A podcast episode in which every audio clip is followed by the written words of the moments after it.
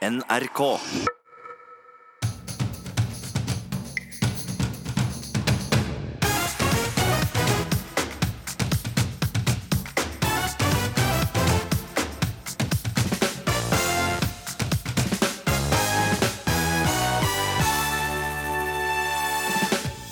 Dødssyke Inger måtte ta livet sitt alene. Fordi aktiv dødshjelp er forbudt, kunne ikke ektemannen være med henne. Det er jo ingenting jeg heller ville enn at jeg skulle kunne sitte og holdt henne i hånda, men det kunne jeg jo ikke gjort. Foreldre, ro ned. Sjokolade og McDonald's er OK etter trening, mener idrettsmamma. Nei, vi koser oss nok, svarer ernæringsfysiolog. Og kommer Aksel Lund Svindal til å avslutte karrieren på pallen i dag? Alpinstjerna kjemper for VM-medalje på stedet der han vant sine første VM-gull for tolv år siden.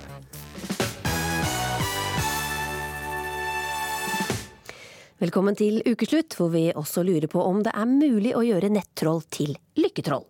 Jeg heter Linn Beate Gabrielsen, og vi smeller i gang denne sendinga med REM og Losing My Religion.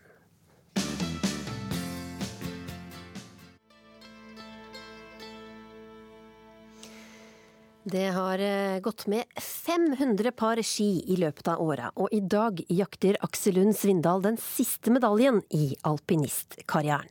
Det er alpin-VM i året i Sverige, og reporter Jørn André Lien, du står i målområdet nå en halvtime før start i utfor, men så har det vært veldig mye vær også i året, og det har vært usikkert om rennet blir noe av. Blir det utfor for Aksel i dag? Det blir utfor for Aksel Lund Svindal om en halvtime her i året. Juryen bestemte ca. for en halvtime siden at eh, det blir renn. Det har jo vært lenge usikker på om det ble renn i dag. Det kom jo et kraftig snøfall i, i natt eh, som gjorde at hjelpemannskapene, ryddemannskapene, brøytemannskapene måtte ut i, eh, i løypa og jobbe fra i natt av. Det har blåst kraftig på toppen gjennom natta og i dag tidlig. Eh, så det var lenge usikkert om det, om det ble vi traff faktisk rennsjefen Markus Valner sånn i ja, halv eh, ti-ti-tida i dag tidlig. Og da var han litt mer positiv på, her, på at dette kunne gå. Besiktigelsen, som det heter, som da var planlagt eh, rundt 9.30, eh, den ble utsatt. Det er altså da løperne som går gjennom løypa før de skal konkurrere. Den ble utsatt til 10.30. Løperne kom seg eh, gjennom Aksel Lund Svindal og Kjetil Jansrud og Alexander Aamodt Kilde Adrian Smiseth Seierstedt eh, kom seg gjennom løypa, sett gjennom dette her. Og eh, ja, ca. for en halvtime siden, som sagt, så, så bestemte da arrangøren og juryen seg for at det blir en 12.30. Hvor mye har det som, dette været å si for sjansene til spesielt Aksel da, til å ta noen medalje i dag? Jeg tror ikke det har noe å si for sjansene til Aksel Svindal. Han er på start nå for siste gang. Det er jo det det har dreia seg om denne veka her, at Aksel Lund Svindal skal kjøre sine to siste renn. Eh, kom fra vel en skuffende 16.-plass på super-G-en, så er jo det i dag utfor det, det, siste rennet. Det er jo det det har blitt, blitt snakka om siden han da la opp, eller bestemte seg for å legge opp i, i Kitzbühel. Han kjørte ikke Kitzbühel da pga. Av, eh, av kneet sitt, ville spare seg til, eh, til året og den siste avslutninga. Eh, har vel eh, svart på 100-150-200 spørsmål om, om, at han skal legge opp. Det er det på en måte det det dreier seg om. Han, eh, han har svart eh, fra, presse, fra utenlandsk presse og norsk presse. og det er, jo det, det er jo den ultimate avslutninga, kan du si. da, At han avslutta her i, eh, her i året sånn ca. tolv år etter at han tok sine to første VM-gull. Og det er stor stemning her på tribunen. Det er vel den dagen det har vært mest nordmenn her. Det er utrolig mange norske flagg på, på tribunen som skal ta farvel med en av, ja, en av Norges største idrettsmenn gjennom tidene. Står vel med tolv mesterskap, medaljer, to OL-gull, tok det siste OL-gull i fjor. Og eh, nå er det, er det slutt. Vi gleder oss. Vi skal følge med videre og henter inn igjen eh, deg litt senere i sendinga når det er klart for Aksel Lund Svindal.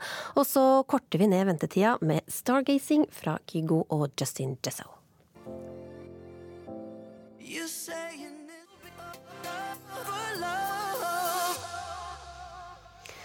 Nå skal vi ta opp et uh, vanskelig spørsmål. For hvis du var dødssyk, hadde du da villet uh, velge selv når du skulle dø? Kreftsyke Inger Staff Paulsen skrev en kronikk om at hun ønsket å velge hvordan hun skulle dø, og den ble publisert i Dagbladet denne uka etter hennes død.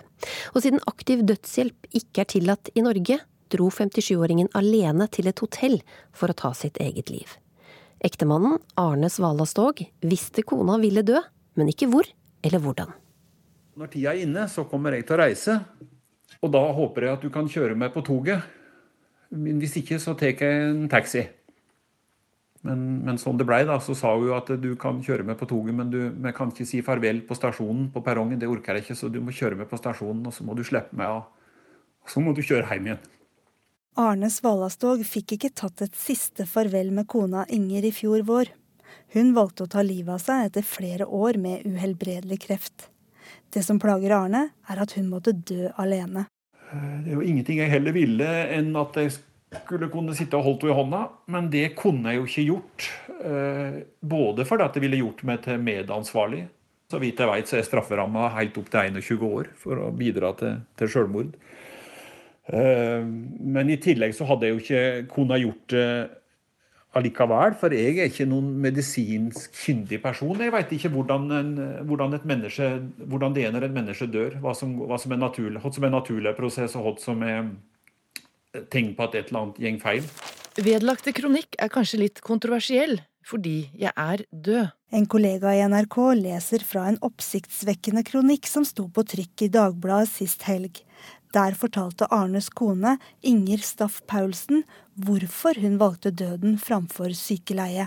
Jeg nektet å la meg apatisk lede inn i en død hvor jeg kunne ende hylende av smerter i en sykehusseng fordi morfinen ikke virket. Inger ønska å dø på sin måte. Ville ha sittet midt i dobbeltsengen, oppå sengeteppet i dyp rødt med gullbroderier ervervet i Marrakech for mange år siden, iført min rosa silkekimono fra Tokyo.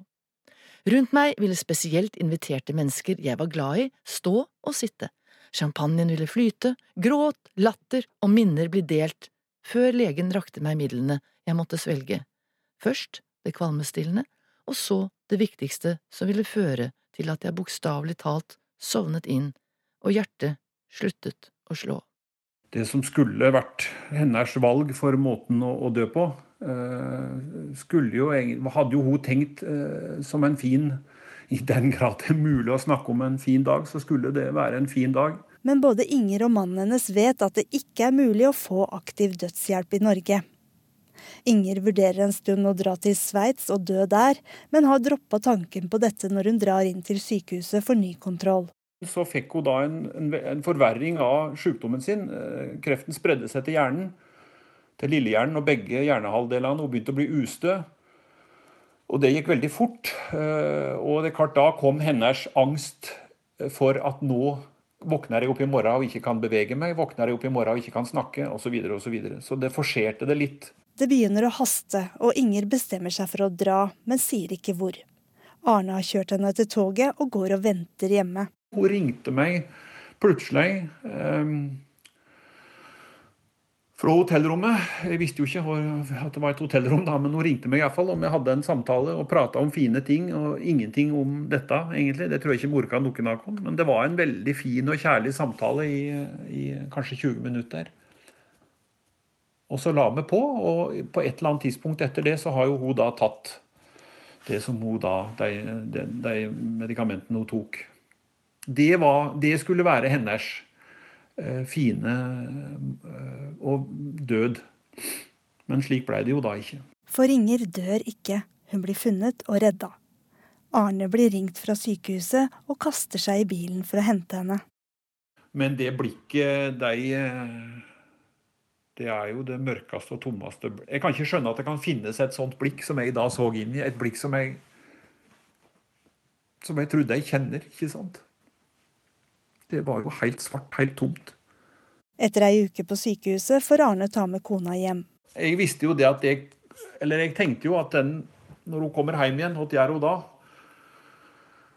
Allikevel så, så, kunne ikke jeg sitte over henne døgnet rundt, og, og, av en eller annen grunn så, sprang jeg meg da en tur med bikkja bare under et døgn etter vi hadde kommet hjem.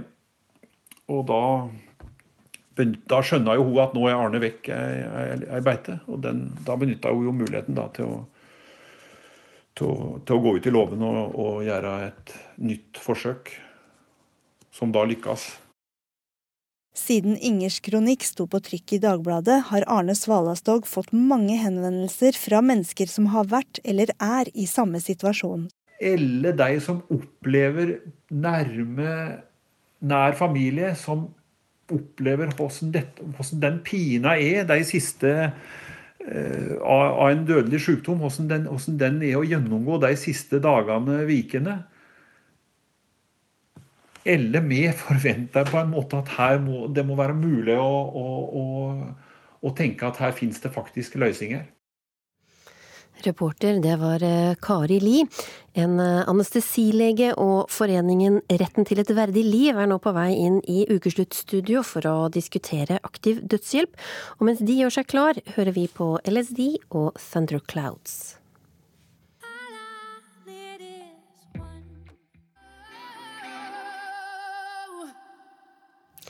Rett før LSD og Thunderclouds fikk du høre om eh, Inger Staff Paulsen, som eh, drømte om det hun kalte den eh, perfekte død.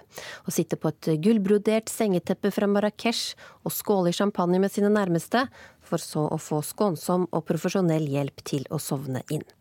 Slik gikk det altså ikke, for det å hjelpe noen å dø, det er forbudt her i Norge. Jon Låke, du er eh, anestesilege på Rikshospitalet og jobber på intensiven, der du daglig konfronteres eh, med død. Hvorfor skal ikke en som Staff Paulsen, som er dødssyk, kunne få hjelp til å sovne inn i kontrollerte former når hun uansett vet hun skal dø? Det er fordi at hun involverer andre i dette. Ehm, hun ber jo om at en eh, eller flere andre ehm, blir medansvarlig, direkte eller indirekte, i at hun dør. Og det er ganske mye å be om. Ja, også for en, eh, en lege? Ja, eh, definitivt for en lege. Eh, vår rolle er å helbrede sykdom der det er mulig, lindre sykdom der det ikke er mulig å helbrede. Trøste der livet tar slutt, men ikke å ta liv. Men det kunne jo også vært en lettelse da, å kunne hjelpe noen uh, fra alle lidelsene og voldsomme smerter de, de lever med på slutten? Uh, nei, det vil ikke være en lettelse for uh, oss som er helsepersonell. Vår rolle skal være en annen. Og så er det jo slik at det å ta liv, enten sitt eget liv eller en annens liv, det er noe mennesker har gjort i tusenvis av år. Det er ingen stor kunst. Slik at å be om at dette gjøres til en oppgave for helsevesenet, det blir veldig rart, syns jeg. Mm. Styreleder i foreningen Retten til en verdig død, og ikke liv, som jeg kom til å si i stad. Olav Weigang Nilsen, hvorfor burde Staff Paulsen fått lov til å dø sånn som hun drømte om? Hun burde få hjelp til å dø fordi at hun visste veldig mye om hva hun hadde i vente. Og øh, det var hennes eget personlige ønske som jeg syns at hun må respekteres for, og hun burde kunne øh, få hjelp til. Og vi vet jo at øh, det er en del helsepersonell i Norge som sier at dette er akseptabelt, slik at vi behøver ikke å å presse eh, helsepersonell som ikke vil, til å, å, være med på dette. Så bare de som selv vil kunne Ja. Det er klart at, det er klart at uh, helsepersonell på samme måte som f.eks. i abortspørsmålet, må kunne få lov til å reservere seg i forhold til dette. Ja, hva tenker du om det, Låke? At man liksom på en måte kunne reservere seg mot å gjøre det hvis man ikke selv vil? Jeg tror at dette egentlig bare vil forsterke det man kan kalle moralske dilemmaer, eller som i i litteraturen gjerne blir kalt for moral distress. Ved at man eh, visker ut uh, rollene mellom det å eh, hjelpe og lindre og det å ta liv. Og i den type virksomhet som jeg er involvert i, hvor som du sier, vi daglig konfronteres med døden, så er utbrenthet et vanlig fenomen. Og mye av den utbrentheten den forsterkes dersom disse skillelinjene blir eh, utydelige. Eh, så jeg syns ikke det er noen god idé å, å la helsepersonell påta seg eh, denne rollen. Eh, jeg syns at vi skal ha nokså en nokså tydelig oppgavefordeling til helsepersonell som, eh, som gjør at eh, vår rolle skal være en annen.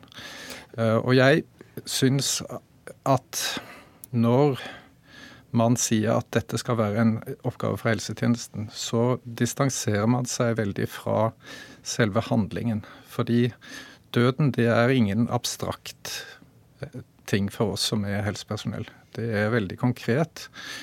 Og når vi her snakker om dødshjelp, eh, som noen vil kalle drap, eh, så er det forbundet med helt konkrete handlinger.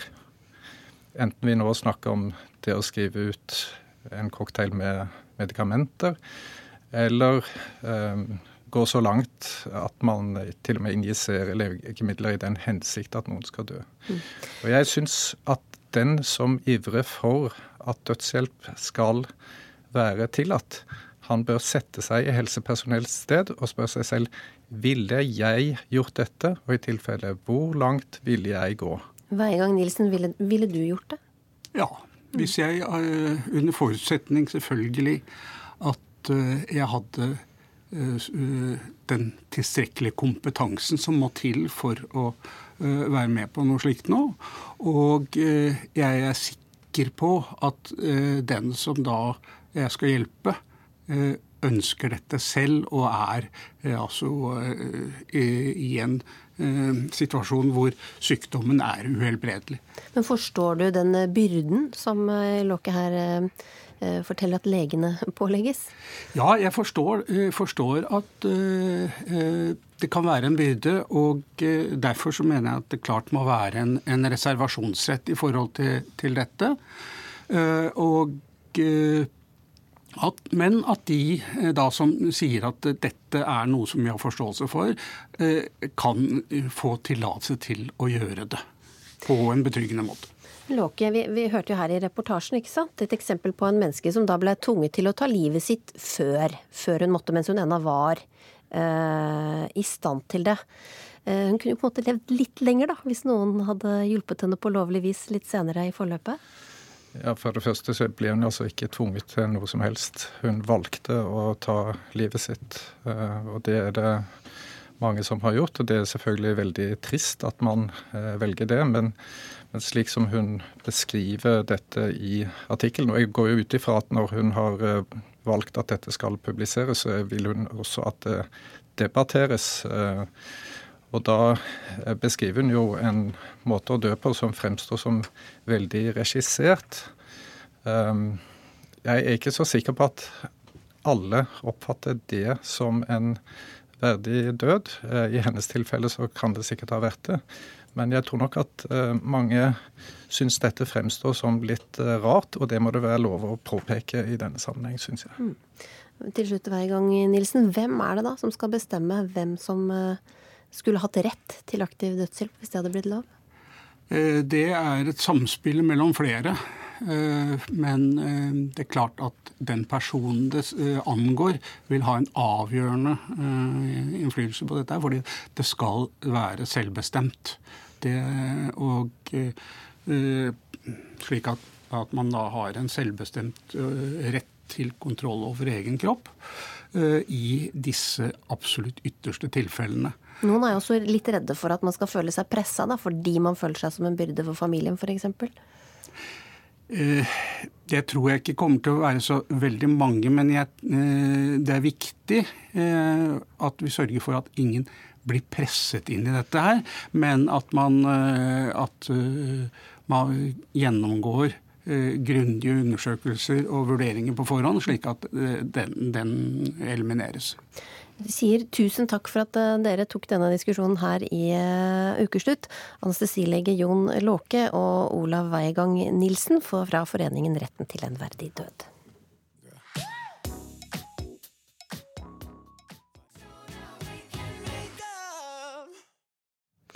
De som ville make up, det var Vice, Jason Derulo og Ava Max. Ukeslutt toget videre med annet dette. Han overnatta ute i 16 døgn for å få lov til å bruke 50 000 kroner på ei flaske vin. Beste vin som antakeligvis kommer til å bli laga i min levetid, og den får jeg lov til å kjøpe. 18 år gamle Lisa Lotte blir kalt lappjævel når hun går i kofte. Første dom mot samehets i kommentarfeltet falt i forrige uke.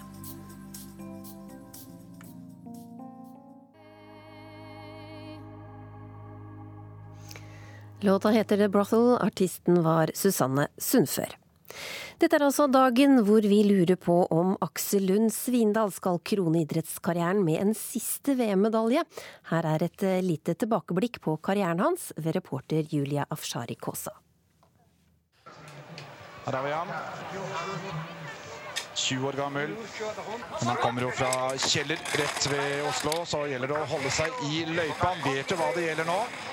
Året er 2003, og en ny norsk alpinist skal for første gangen rase ned fjellsiden i Kitzbühel i håp om å bli en av verdens beste.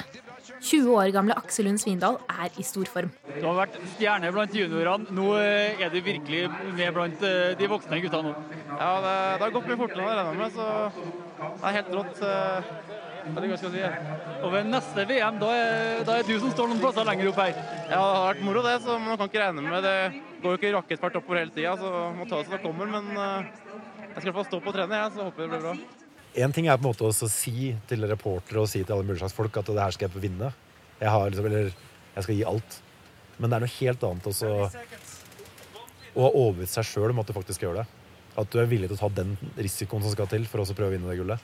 1.19,02, 1.18, 1.18,97. Han er foran! Han er foran og tar ledelsen. Det er glimrende kjørt av Aksel Lund Svendal. Good job, Aksel. Kom igjen, Aksel. Og Aksel mot mål. Ja 1.26,04. Nei, Jeg har ikke ord. Det er bare helt fantastisk.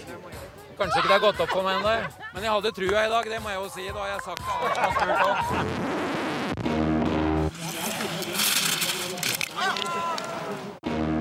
I St. Moritz-VM i 2003, kombinasjonsutfordring, så tryna jeg ganske hardt.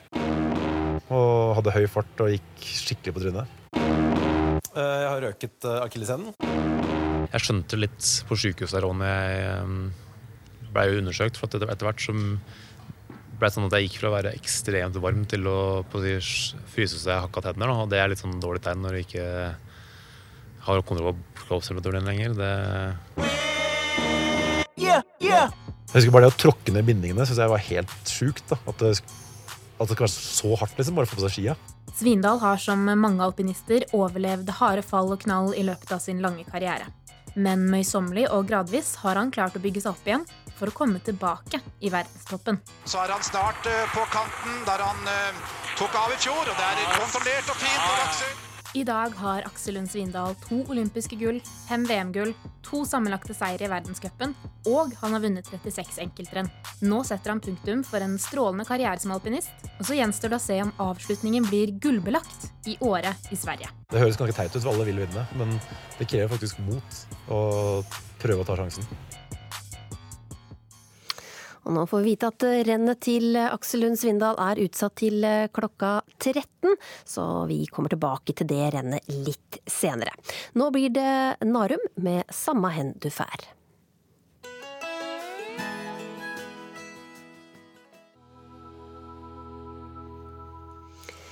Er det greit å ta med barna på McDonald's etter trening, eller gi dem en sjokolade på veien hjem? Slapp av, foreldre, skrev Annelise Kvakland i en ytring her på NRK. Og Kvakland, du er både idrettsmamma og også spesialsykepleier innen spiseforstyrrelser, og du tar med barna på McDonald's etter trening. Hvorfor det? Nei, jeg kommer fra spiseforstyrrelsesfeltet og har barn i idretten. Og det jeg ser mer og mer, er jo at masse av de her spisereglene som vi ser til barn og ungdom som har spiseforstyrrelse, at de eh, spisereglene også går over til normalbefolkninga. At det er mye Folk er redd for å spise sukker. Man er redd for å spise eh, junkfood. Også um, sjokoladekake eller sjokolade. Og så er det noe med at jeg tenker at folk må slappe av litt. Du kaller det sunnhetstyranni? Ja. Jeg tenker at det blir et sunnhetstyranni når det blir sånne forbudte matvarer. Veldig mange familier har sånn nei-mat. Nugatti er jo sånn nei-mat. Um, veldig mange får, har sånn godteristopp et år. Og også, da blir det også nei-mat. Barnehager har uh, kakefrie bursdager. Mm. Mm. Men hvordan reagerer f.eks. andre barn når de uh, får være med på McDonald's etter trening, eller når det serveres Nugatti på kveldsmaten på treninga? Ja, uh, Nugatti på treninga på Lyn ski, det er barn veldig vant til. De gleder seg til de skal komme på kveldsmat og få Nugatti. Eh, noen foreldre kan kanskje synes at eh, det er litt i overkant, men jeg tror at på, i vår skigruppe så er det veldig vanlig at man både drikker sjokolademelk etter trening, og at eh, Nugatti er helt greit. Og da sier jeg jo ikke at de skal spise Nugatti hele tida, men vi har også annet pålegg.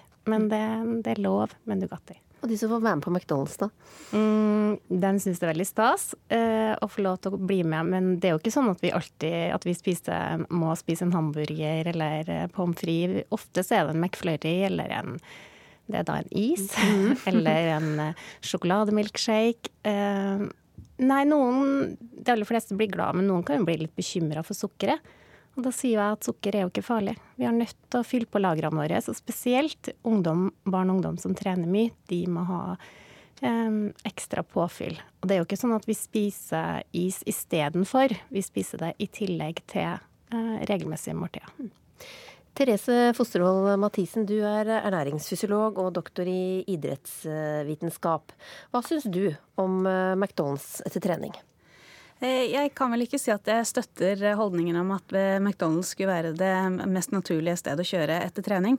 Eh, jeg er helt enig i at vi trenger, trenger, å dempe hysteriet rundt eh, kosthold i en del av befolkningen, og at de som etter hvert blir opptatt av helse og ønsker å ta tak i egen livsstil og kosthold, skal skjønne at det ikke handler om at de da må begynne å drikke alger og, og bytte ut de vanlige grønnsakene med sprøstekt grønnkål eller lignende.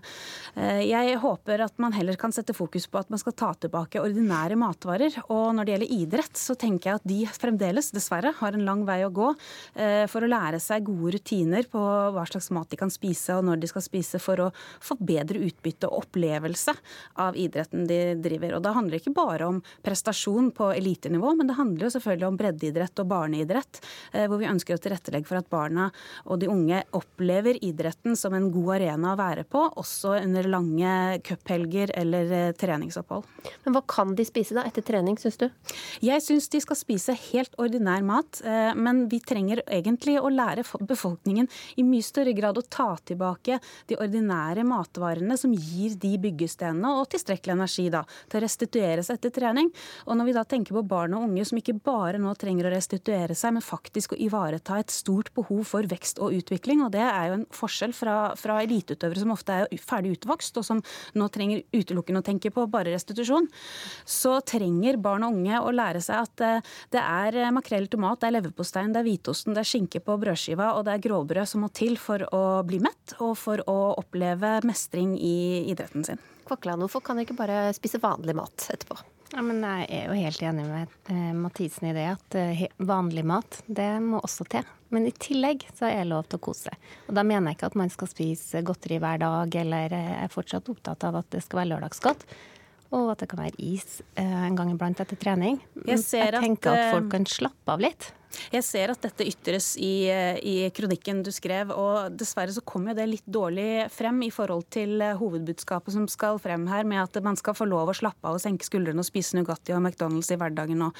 Eh, jeg tenker at eh, dagens befolkning trenger ikke å lære seg å kose seg med mat, for det gjør de dessverre altfor mye nå, og mer enn vi ønsker. Og det ser vi både i forhold til utvikling i norsk kosthold, som er en rapport som kommer fra Helsedirektoratet hvert eneste år, og som viser at vi fremdeles spiser for mye metta fett og sukker. Og det handler ikke om at vi vil ha det på et nullnivå, men vi ønsker å moderere det. Og med et moderne kosthold der vi har mye ferdig mat, prosessert mat og, og eh, halvfabrikata og helfabrikata, så trenger vi å lære oss at det gunstigste hadde nok vært å gå tilbake til kjøkkenbenken og lage litt mer mat selv, og, og det bør ikke være avansert. Det handler om å koke poteter og steke fisken eller kjøttet sitt selv. Fakland, det kan jo bli litt mye kos, da? Absolutt, det kan bli mye kos. Men nå skriver jo jeg til medforeldre i barne- og ungdomsidretten Og som mamma i skimiljøet, så er jeg også bekymra for, eh, for, overvekt og at barn ikke beveger seg nok. Men nå er ikke denne kronikken ment til de. Det er ment til de her eh, foreldrene i idrettsmiljøet. Og det er jo dem som trenger å slappe av litt. Det er dem som trenger god opplæring i at det er ikke så farlig. Eh, og av og til ta en Grandiosa heller. Det er ikke sånn, det er ikke alltid så lett å ha tid til å lage den hjemmelaga maten som Mathisen snakker om vi må gi oss litt slekk, og vi må prøve å senke skuldrene og noen ganger så blir det tid til annet enn Fjordland, eller at man tar grovbrødskive med Nugatti før trening, og så får man ta middagen etterpå. Jeg kan være enig i at noen idretter dessverre har en utfordring med hva slags holdninger de har til mat, eller eh, kroppsidealer. Og skiidretten har i en lang tid slitt litt med sine idealer som enkelte lever etter. Men hvis vi ser på idretten i et bredere perspektiv, så vil jeg nå si at idretten har et godt stykke å gå for å lære seg å ta tilbake gode kostholdsrutiner. Og ser vi på dagens kioskutvalg i de ulike idrettsarenaene, så er det dessverre eh, forferdelig å se utvalget som ikke har endra seg siden jeg selv drev barneidrett på, i 80-årene.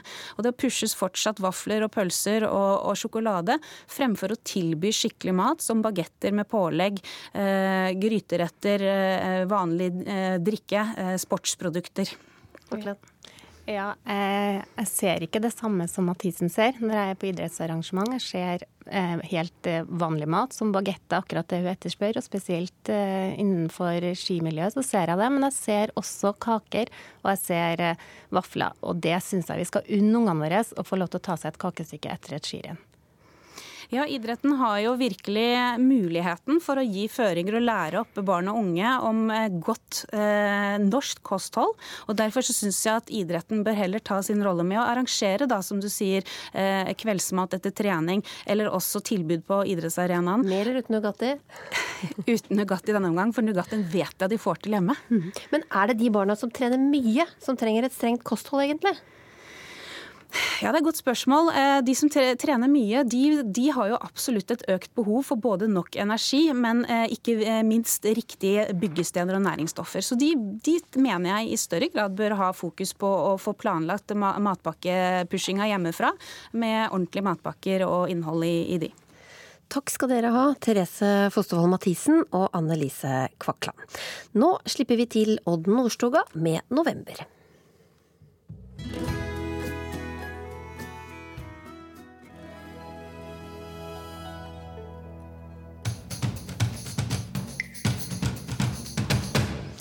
Nå til de siste nyhetene, Morten Røkeberg. Og først skal det handle om de to små regjeringspartiene som taper enda flere velgere på meningsmålingene denne uka. Ja, det har stormet rundt Venstre-leder Trine Skei Grande.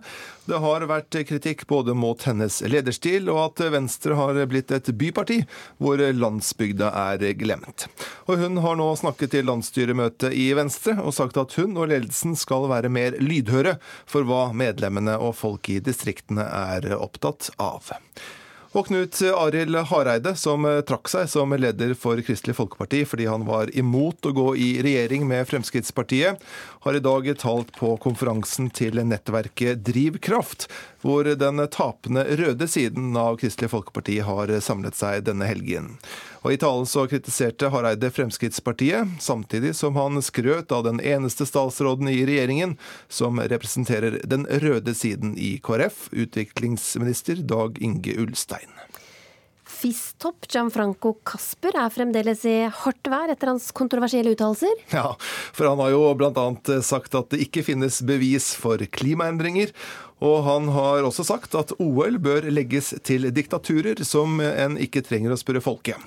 En uttalelse han har beklaget, men i går kveld så sendte interesseorganisasjonen Protect Our Winters, Vern om våre vintre, et åpent brev der de ber Kasper om å gå av som president i Det internasjonale skiforbundet. Og det er altså en rekke vintersportsutøvere som er med i denne gruppen, i likhet med forskere og forretningsfolk. Da lurer jeg bare på om du husker Soul Asylum, ja, Morten? Oh yes. Ja, men det er bra, for her kommer nemlig Runaway Train.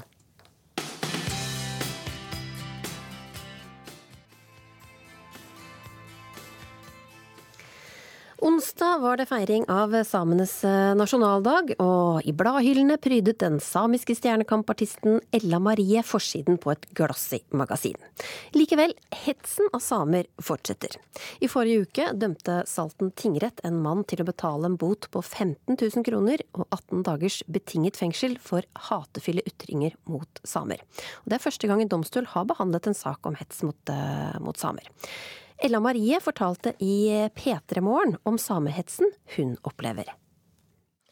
Nei, um, jeg bruker å si at det går ikke an å være same uten å oppleve hets, og jeg tror det dessverre er sånn, fordi um, det er liksom små kommentarer overalt, og man føler liksom at man ofte må forsvare eh, at jeg er same, da. Mm. Eller forsvare at jeg snakker samisk offentlig. For eksempel på skolen på videregående så var det veldig mye sånn folk som himla med øynene og liksom ba meg gå ut av rommet hvis jeg skulle snakke samisk. Yes. I telefonen, liksom. Ja. Med mamma, for eksempel. Og da ønsker jeg velkommen hit Lisa Lotte Solheim Sjåvik. Du går på videregående. Kjenner du deg igjen i det Ella Marie forteller her? Ja, jeg gjør jo det. Um, jeg møter jo det nesten hver dag. Hva slags eh, hets er det du opplever? Jeg opplever jo annet det å Hvis jeg skal prate samisk med noen jeg kjenner, eller at jeg har på meg lidnien, at uh, folk ser annet rart på meg, og de kan le av meg, og de sier stygge ting til meg. Altså når du har på deg kofte? Nei, bare Nei. at jeg har på meg et sjal. Ja, nemlig. Hvordan håndterer du det, da? Som regel så man har jo lært å se forbi det fordi at det her er hverdagen, og man må bare bite seg i det uansett hvor fælt det kan bli. Men påvirker det hvordan du oppfører deg? Ja, altså Det er jo ikke akkurat sånn at man kan si ifra hvis noen går over streken, hvis de sier noe de kaller en vits, og så er den egentlig veldig frekk og hatefull ment. Vi har også med oss eh, Egon eh, Holstad, du er eh, kommentator i, Tromsø. Hva skjer når dere skriver både kommentarer og vanlige nyhetssaker om, om samer?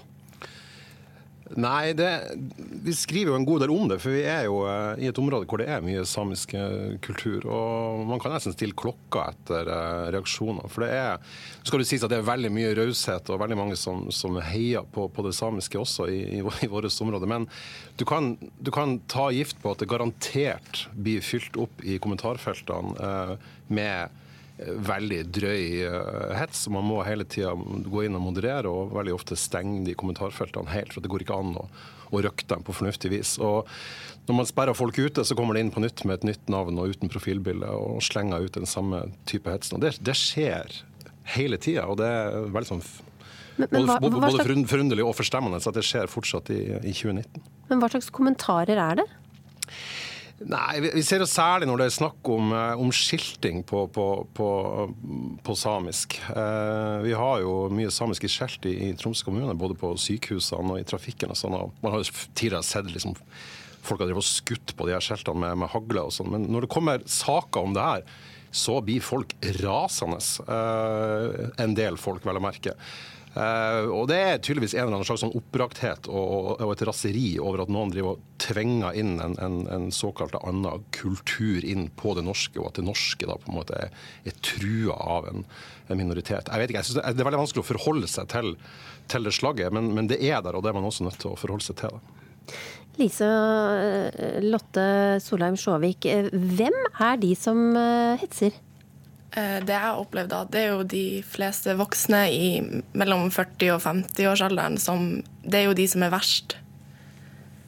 Har, har du, altså, hun, Ella Marie sa også det at det var akkurat som i området med mer samer. Var det også mer, mer hets? Er det noe du kjenner deg igjen i?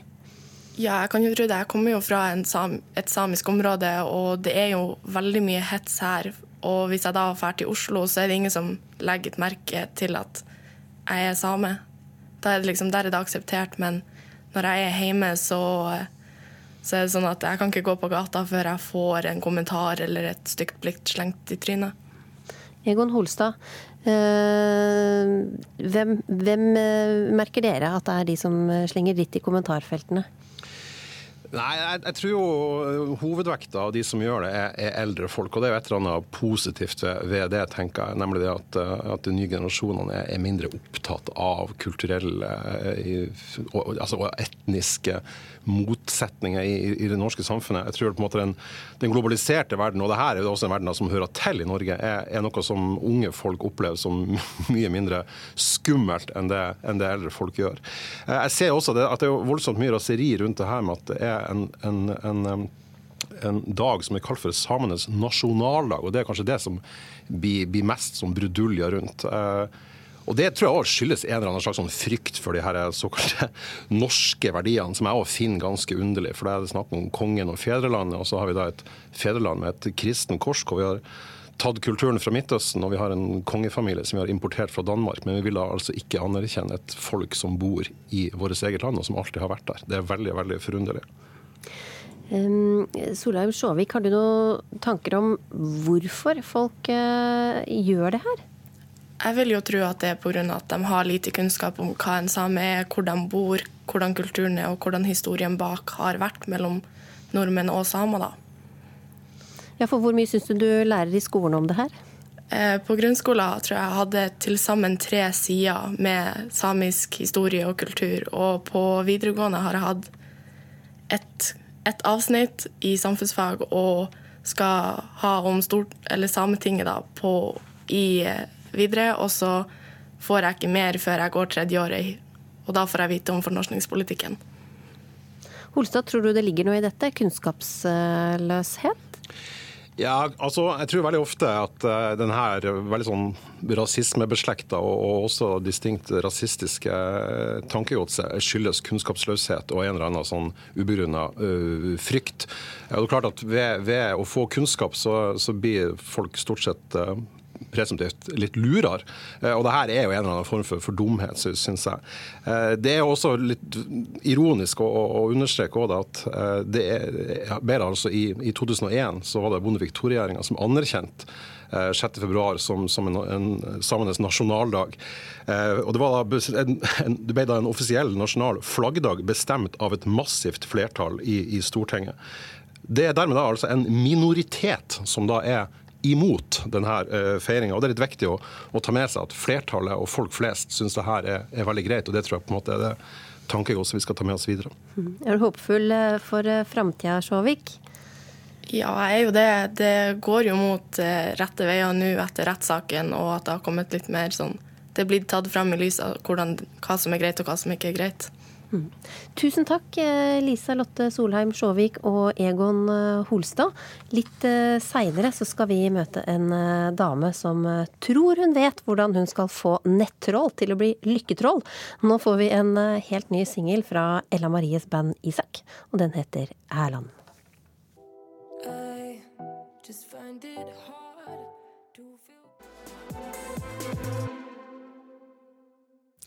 er du villig til å sove ute i 16 netter midt på kalde vinteren for en vinflaske? Vel, det har eh, Bjørn Håvard Larsen gjort for å sikre seg en helt spesiell flaske til 50 000 kroner. Reporter Ann-Kristin Listøl ble med på eksklusivt vinslepp av, det, av en sjelden årgang fra det franske distriktet Burgund på Vinmonopolet på Aker Brygge. Sånn, da har du fått 18 flasker. Ja. Det var verdt å stå i kø for. Ja. ja. Da er det bare om det er dekning på kortet? Ja, det er jo det som er spennende nå. Det er varmt, klamt og trangt inne på Vinmonopolet. Oh. Endelig er høydepunktet her. Oda Emilie Randmæl har sikra seg vinen hun har venta i to dager på å få kjøpe. Bare hun har dekning på kortet, da. Herregud, det er jo helt hinsides, folkens. La oss skru tida tilbake til dagen før. Ja. Vi sitter opp. Takk. Det svarte teltet utafor Vinmonopolet på Aker Brygge i Oslo er fylt opp med feltsenger, og mannfolka ligger så tett at her er det ikke noe privatliv. Bjørn Håvard Larsen har sovet her i 15 netter. Hørselvern. Steike viktig. Ta det opp, da. Det er rett og slett hvis de begynner å råke med sånne morgentrafikk og tungtrafikk og alt sånt der, eller folk, I dag var det folk som med sånne bygningsarbeid som begynte altfor tidlig. Da tar du bare de på dem, og så sover du noen timer til. Målet hans er å sikre seg vinflasker Romané Conti, som det bare fins tre av på dette vinslippet i Norge. Han har sovet ute i over to uker for å være først i køen og sikre seg vinflaska til prislappen. Ca. 50 grand. 50 000 kroner. Ja, et røverkjøp av de sjeldne. Ah, hvorfor det? Eh, som sagt, beste vin som antageligvis kommer til å bli laga i min levetid, og den får jeg lov til å kjøpe. Vet, du hva, Hvis jeg bort, så ser vi på de som ligger utendørs, de minst privilegerte i samfunnet. Bjørn Håvard Larsen er erfaren og har gjort dette før. Men Oda Emilie Randmæl, som riktignok har sin egen vinblogg under navnet Piemonte Girl, gjør dette for aller første gang. Hun har ikke telt, men sover på feltseng utafor Peppes Pizza. Jeg er nummer 16, så jeg er ganske langt bak. Skal man få tak i vin, så må du kjempe for den med livet som innsats. Altså, For en god årgang så altså, Legene patcher deg i hop etterpå. Uansett hvor mye du blør, så eh, kjør på å få flasken. Legene kan patche deg i hop etterpå. Null stress. Ja, og Det er dette som jeg syns er veldig stress. da, For jeg syns store folkemengder er skummelt å begynne med. Og når du da har litt sånn aggressive menn som skal ha tak i dyr vin, så ender jeg nok opp i et hjørne helt alene.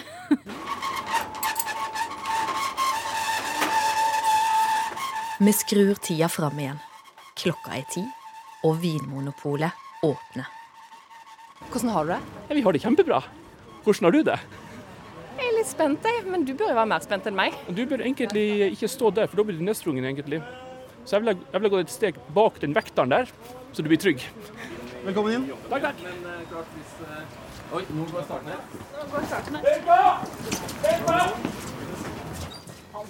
Han fyker av gårde for å finne det han skal.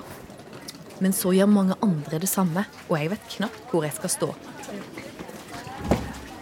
Oda Emilie Randmæl, eller Piemonte Girl, har fylt opp med vinflasker fra hyllene. Du, du puster tungt, Piemonte Girl. Jeg er litt svett og sliten. men venter på sin tur for å få lov til å kjøpe de vinflaskene som det er et maksantall på hvor mange du får ta av. Åh. Dette var Nå er det min tur. Sånn. Åh. Det var gevinst. Jeg så Ja. pusta letta ut nå. Herregud, det er jo helt hinsides, folkens. Du skal ha med deg vinen igjen. Jeg skal ha med vinen hjem. Hun har sikra seg mye vin etter to netter ute. Og inne i butikken står faren klar til å hjelpe. Og Det er jo selvfølgelig ingenting i forhold til han som har ligget der i 16, men for en jente for første gang så syns jeg det er ganske imponerende. Han som har sovet ute i 16 netter, altså Bjørn Håvard Larsen, har òg fått sikra seg vinflaska som koster 50 000 kroner. Og den skal han nå lagre i flere tiår. Ja, nå har, har barnet kommet her. Nå skal vi bare passe godt på han til han blir oppvoksen og skal eh, få en god oppvekst. Nå er vi klare. Oda Emilie Randmæl og faren triller fangsten ut på gata. Snart venter en etterlengta dusj og søvn, i visshet om at hun har klart å gjennomføre noe hun aldri før har gjort. Gjorde ting som hun ikke egentlig kan. Ligge ute, fryse. Eh, Ting du egentlig ikke tør. Ja, ja, ting, ting du egentlig ikke liker å gjøre. Og så har du gjort alt det. Og så smiler du ennå. Det er bra. Det er jo litt hyggelig at han er stolt, da. Disse behagelige tonene skal vi nyte de neste minuttene her i Ukeslutt. Melody Gardot og Morning Sun.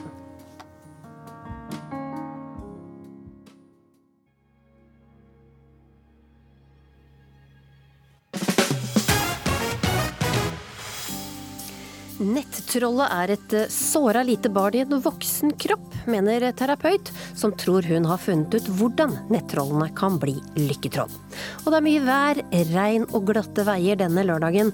Du får vær- og trafikkmeldinger fra hele landet om litt. Og det er eh, utsatt start for Aksel Lund Svindal i eh, VM. Utfor starter nå 13.30.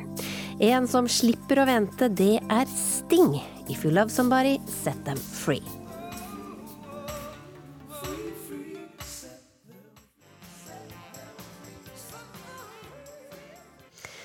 Vi hørte tidligere om hets av samer, også i kommentarfeltene i avisene. Og stadig flere aviser legger ned kommentarfeltene sine pga.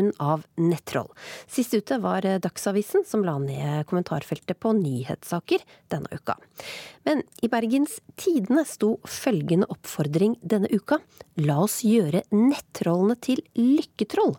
Det skrev du, Anette Lauareid eh, Hovda. Du er EQ-terapeut og mener at nettrollene er såra små barn i voksne kropper. Hva betyr det egentlig?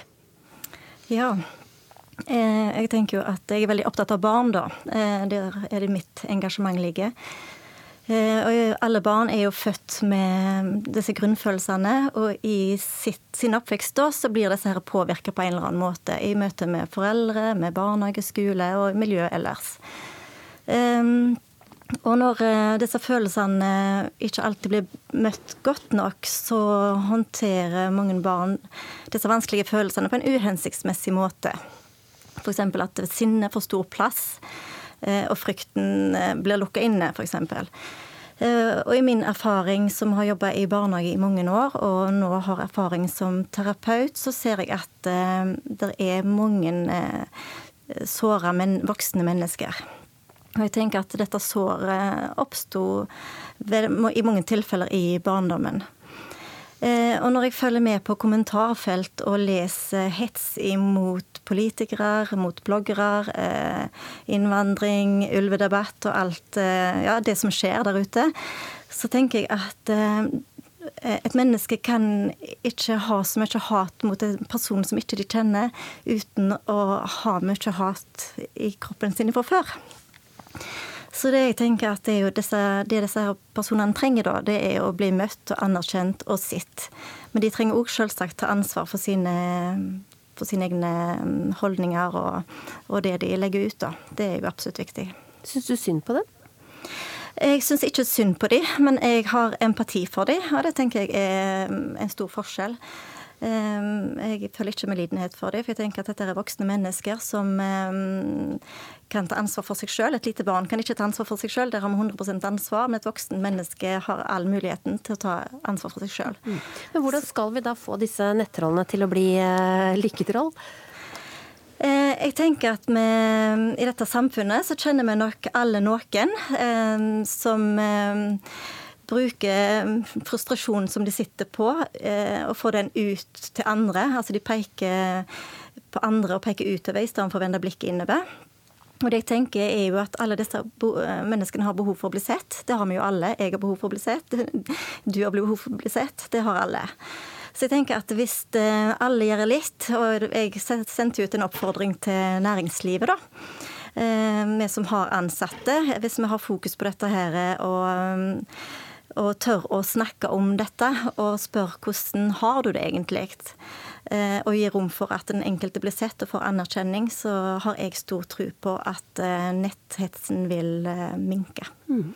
Kamzy Gunnar Ratnam, du er varaordfører i Oslo for Arbeiderpartiet, og du får også din andel av nettrollenes oppmerksomhet. Hva gjør du med dine nettroll? Jeg må jo bare starte med å si at jeg tror eh, Anette tenker i riktige baner. Eh, jeg har gjort veldig mye forskjellig med nettrollene. Eh, du starter jo som ung politiker og blir såra og sletter og prøver å få andre til å svare. Eh, og så har jo det de siste åra blitt eh, Nå er det ti, over ti år siden jeg kom inn i politikken, men de siste åra så har det vært økt fokus på dette. Eh, men også tverrpolitisk aksjon mot netthets. Og da kan man jo spørre seg sjøl liksom, hva er det som mangler når vi setter fokus på dette og vi forsker opp ned på hvem er det som gjør dette, hvem er de, osv., osv. Så, videre, og så, så stiller jeg litt spørsmålstegn ved om vi som ha litt større ressurser om vi besvarer det på riktig måte. Jeg har nyere tid prøvd ut å henge det ut. Jeg tar screenshot og legger det ut på Instagram. Jeg eh, stiller spørsmål som er oppfølgingsspørsmål som er litt halvveis nedlatende. Fordi, fordi, det krenker meg. Jeg blir sint, jeg blir lei meg. Eh, jeg blir enda mer lei meg på vegne av f.eks. unge jenter med minoritetsbakgrunn som ser på dette og tenker at herregud, politikk, det gidder jeg ikke. Um, og da mener jeg at uh, jeg er ikke sikker på om det var riktig. At det er riktig å henge det ut. Jeg er ikke sikker på om det er riktig å uh, være nedlatende. Fordi uh, hvis vi skal tenke i de baner Anette tenker, å ta og møte folk på deres premisser, da. Uh, anerkjenne at de er lei seg, såra, føler på avmakt, føler på at at jentene er blitt mislykka, eller you name it, så må vi møte de på de premissene. Men problemet er bare at eh, vi er alle mennesker, ikke sant. Jeg er en voksen dame med rådgivere rundt meg som kan hjelpe meg med å håndtere dette. Men er det meningen at unge mennesker skal tåle dette? Hvem skal, hvor mye forstå seg på skal vi eh, drive med? Så det er en eh, balansegang at jeg mener at det er riktig å tenke i de i de baner. At vi prøver å forstå de mer. Men samtidig, spørsmålet er hvor setter vi grensene? Hovda, er det de som får hetsen, som skal hjelpe hetserne? Eh, Nei, absolutt ikke. Det tenker jeg ikke. Jeg tenker at disse her som får hetsen, eh, det er absolutt viktig at de blir tatt eh, godt vare på. For det er Jeg kan rett og slett ikke forestille meg hva følelse det vil gi. Jeg tror jeg hadde blitt både livredd og sint og ja. Så jeg tenker at det er jo ikke det. Jeg tenker at det er Hvis alle gjør litt, det er det som er mitt engasjement, da. Og jeg tenker jo at, som jeg sa her tidligere nå, at når voksne mennesker hetser og truer og krenker, så trenger de ta sitt ansvar for det. Eh, Det er ikke sånn at vi skal klappe dem på skuldra og si at dette her høres ikke godt ut. Hva, hva tror du om Kamzy, som prøvde å faktisk eh, legge ut da, screenshots av det de gjør? og da Er det en måte å ansvarliggjøre dem på? Eh, For noen så kan det hende det virker. Altså, det blir jo litt som å si i barneskole og ungdomsskolen. Sender du elevene til rektor der, så vil det kanskje virke skremmende på én av ti. Og så vil de andre bare fortsette. For det handler om at de har manglende ferdigheter. tenker jeg. De, de aner ikke hvordan de skal komme seg ut av dette. Det eneste de kan, så da fortsetter de. Og jeg tenker at det også å fortsette å sende de videre til, til rektor eller til å henge de ut tilbake på nett, vil kanskje bare trigge de enda mer. At du, det kan òg være bensin på bålet, tenker jeg. Så altså det å stille de til ansvar og, og møte de, og se de i øynene og si f.eks. at Eh, Jeg leser hva du skriver, og for meg så får jeg en opplevelse at du har det skikkelig tøft. Har du det? Da trenger de å vende blikket innover. De trenger å ta ansvar for det de skriver. For det er det som er mitt poeng, da. Det er ikke det at vi skal klappe dem på skuldrene og, og skjerme dem. Vi skal gi dem det ansvaret. For nå gir de ansvaret til politikere, de gir ansvaret til bloggere for sitt sinne. Og det ansvaret skal ikke det politikerne og bloggerne ta. Gunnar Ratnam, eh, tror du det Hovda her foreslår vil hjelpe? Ja. Jeg tror det å stille oppfølgingsspørsmål i hvert fall eh, kan hjelpe veldig. Eh, Det kan jo hende, det har hendt at jeg har spurt folk om de er lei seg, eller om de føler på avmakt, at det også har blitt oppfatta nedlatende, selv om man mente det genuint. Fordi man vil ikke bli behandla som et barn hvis man er eh, et eh, voksent menneske. Men jeg er enig i at man burde stille de spørsmålene for å, for å forstå terrenget, forstå menneskene. Jeg er nødt til å sette strek her, men tusen takk til eh, dere, Anette Lauared Hovda og Kamzy Gunna Ratnam. Og vi skal nemlig nå over til VM i alpint, og reporter Jørn André Lien, hvordan går det med Aksel Lund Svindal? Ja, for her Akslund Svindal akkurat satt utfor her i, eh, som startnummer ni i utfor i VM. Her leder faktisk ved første mellomtid. Akselund Svindal kjørt i 45 sekunder i sitt siste renn i karrieren. Holder på å kjøre ut her. Akselund Svindal Simen klarer mirakuløst å komme seg videre. Jager fart nedover.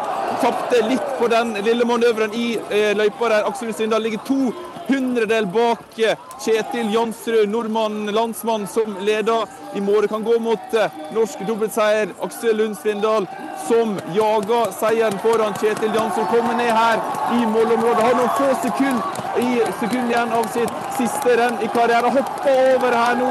Aksel Svindal går mål der!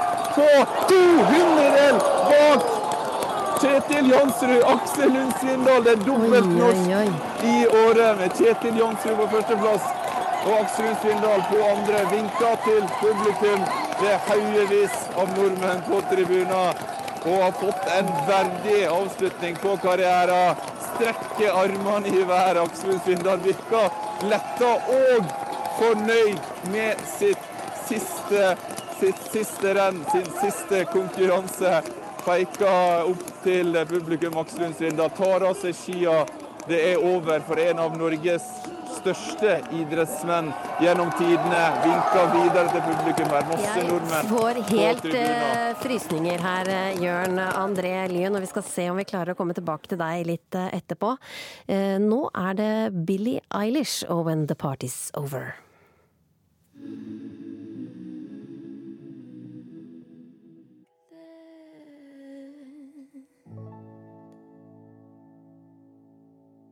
Billie Eilish og When the Party's Over. Og vi skal forsøke å komme tilbake til alpin-VM i Åre. Og reporter Jørn André Lien, det gikk jo så det susa for Aksel Lund Svindal for noen minutter siden?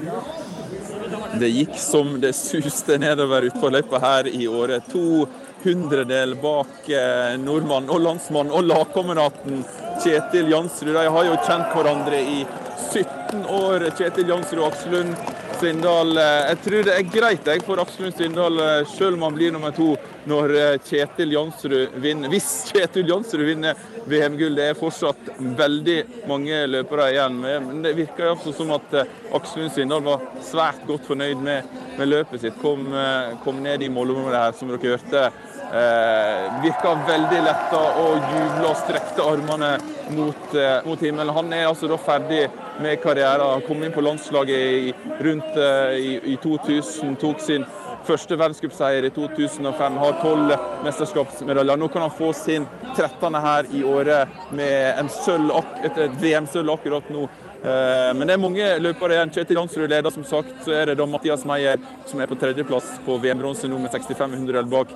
Ben Thomsen fra Canada nummer fire. Og så er det eh, Alexander Aamodt Kilde som er nummer fem. Ser Aksel Lund Svindal nede i målområdet her, står sammen med, Kjetil Jansrud og, og, venter på, at, venter på, den, på resten av, av rennet, selvsagt. Tusen takk skal du ha, reporter Jørn André Lien. Man får følge med videre på NRKs ulike kanaler for å se hvordan dette her ender til slutt. Nå smyger Christian Kristen seg inn i ørene våre med lyset.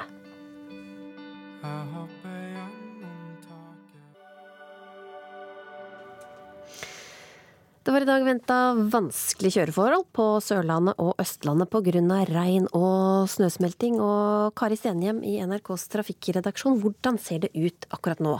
Ja, du må nok eh, fortsatt være forberedt på at det kan være vann på veiene både på Østlandet og på Sørlandet. Men eh, Statens vegvesen opplyser at det ser eh, mye bedre ut på de store hovedveiene. Men på E6 nord for Sarpsborg der går trafikken fremdeles rundt Eidetunnelen i retning mot Oslo fordi en gravemaskin fjerner vann fra tunnelen der.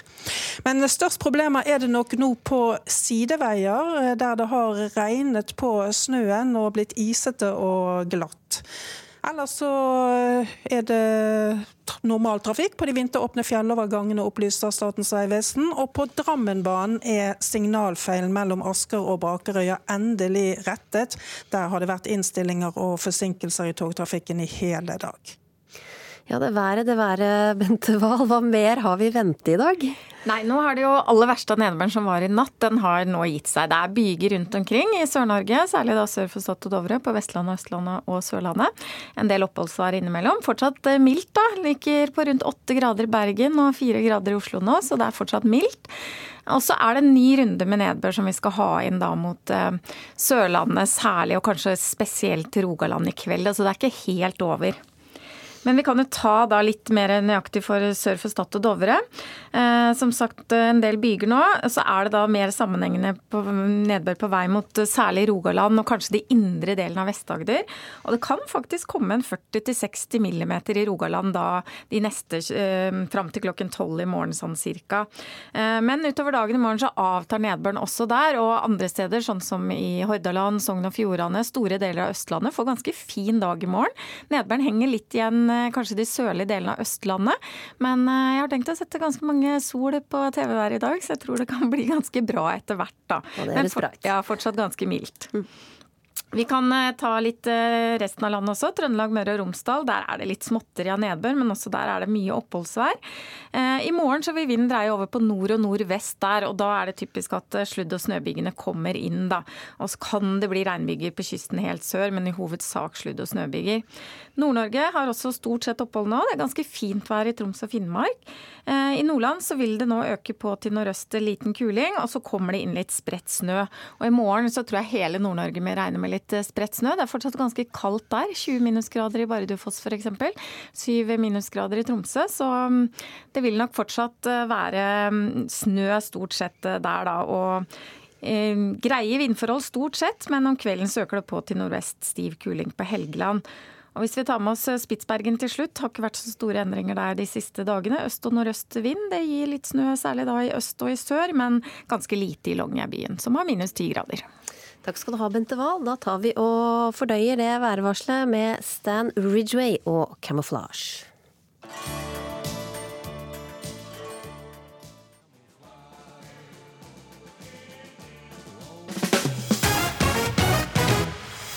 Ja, der setter vi strek for eh, ukeslutt denne uka. Ansvarlig for sendinga Julia Afshari Kaasa.